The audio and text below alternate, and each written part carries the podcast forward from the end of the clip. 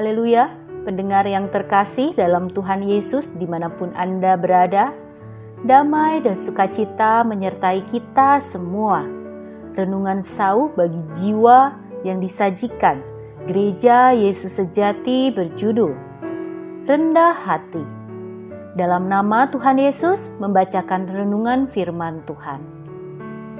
Pikulah kuk yang kupasang dan belajarlah padaku karena aku lemah lembut dan rendah hati, dan jiwamu akan mendapat ketenangan.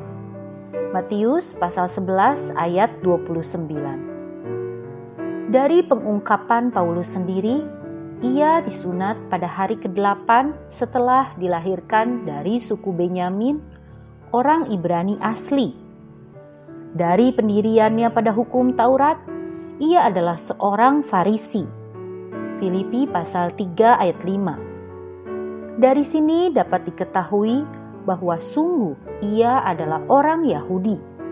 Karena Paulus dilahirkan di Tarsus yang berlatar belakang Yunani, namun tergolong sebagai wilayah Romawi. Sejak lahirnya, ia menjadi warga Rom. Kisah para Rasul pasal 22 ayat 27 sampai 29. Bahkan ia dapat berbahasa Yunani. Lalu ia dibesarkan di Yerusalem dan dididik dengan teliti oleh Gamaliel, seorang rabi orang Yahudi yang ternama dalam pengetahuan hukum Taurat. Paulus menjadi seorang yang giat bekerja bagi Allah. Kisah para Rasul pasal 22 ayat 3. Paulus dilahirkan dari latar belakang agama yang demikian sempurna. Setelah Paulus dipilih Allah menjadi rasul di bawah sinar terang di Damsyik, dibandingkan dengan rasul-rasul lain dengan latar belakang yang lebih bersahaja. Paulus punya modal untuk menyombongkan diri. Namun ketika ia berada di gereja Korintus, ia menemukan jemaat di sana berkubu-kubu dan bertengkar. Ada yang berkata ia mengikuti Paulus, ada yang mengikuti Apolos, Kefas, bahkan Kristus.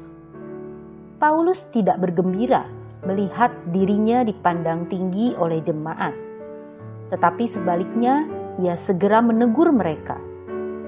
Adakah Kristus terbagi-bagi? Adakah Paulus disalibkan karena kamu? Atau adakah kamu dibaptis dalam nama Paulus? Aku mengucap syukur bahwa tidak ada seorang pun juga di antara kamu yang aku baptis selain Krispus dan Gaius, sehingga tidak ada orang yang dapat mengatakan bahwa kamu dibaptis dalam namaku. Juga keluarga Stefanus, aku yang membaptisnya.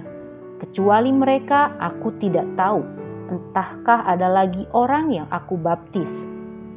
Sebab Kristus mengutus aku bukan untuk membaptis, tetapi untuk memberitakan Injil.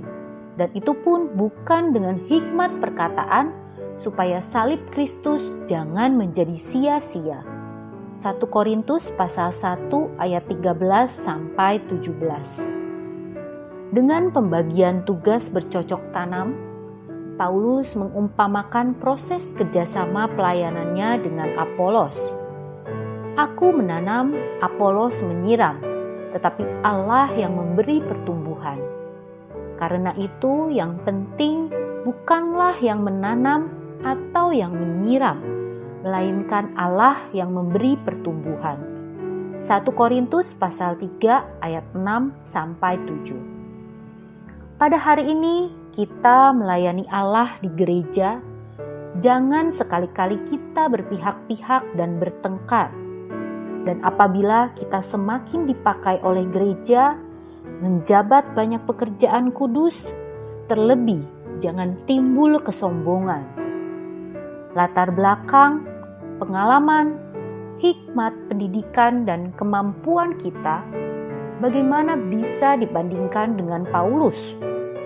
Apabila ia sedemikian rendah hati walaupun telah menjadi rasul, bagaimana kita boleh menjadi sombong?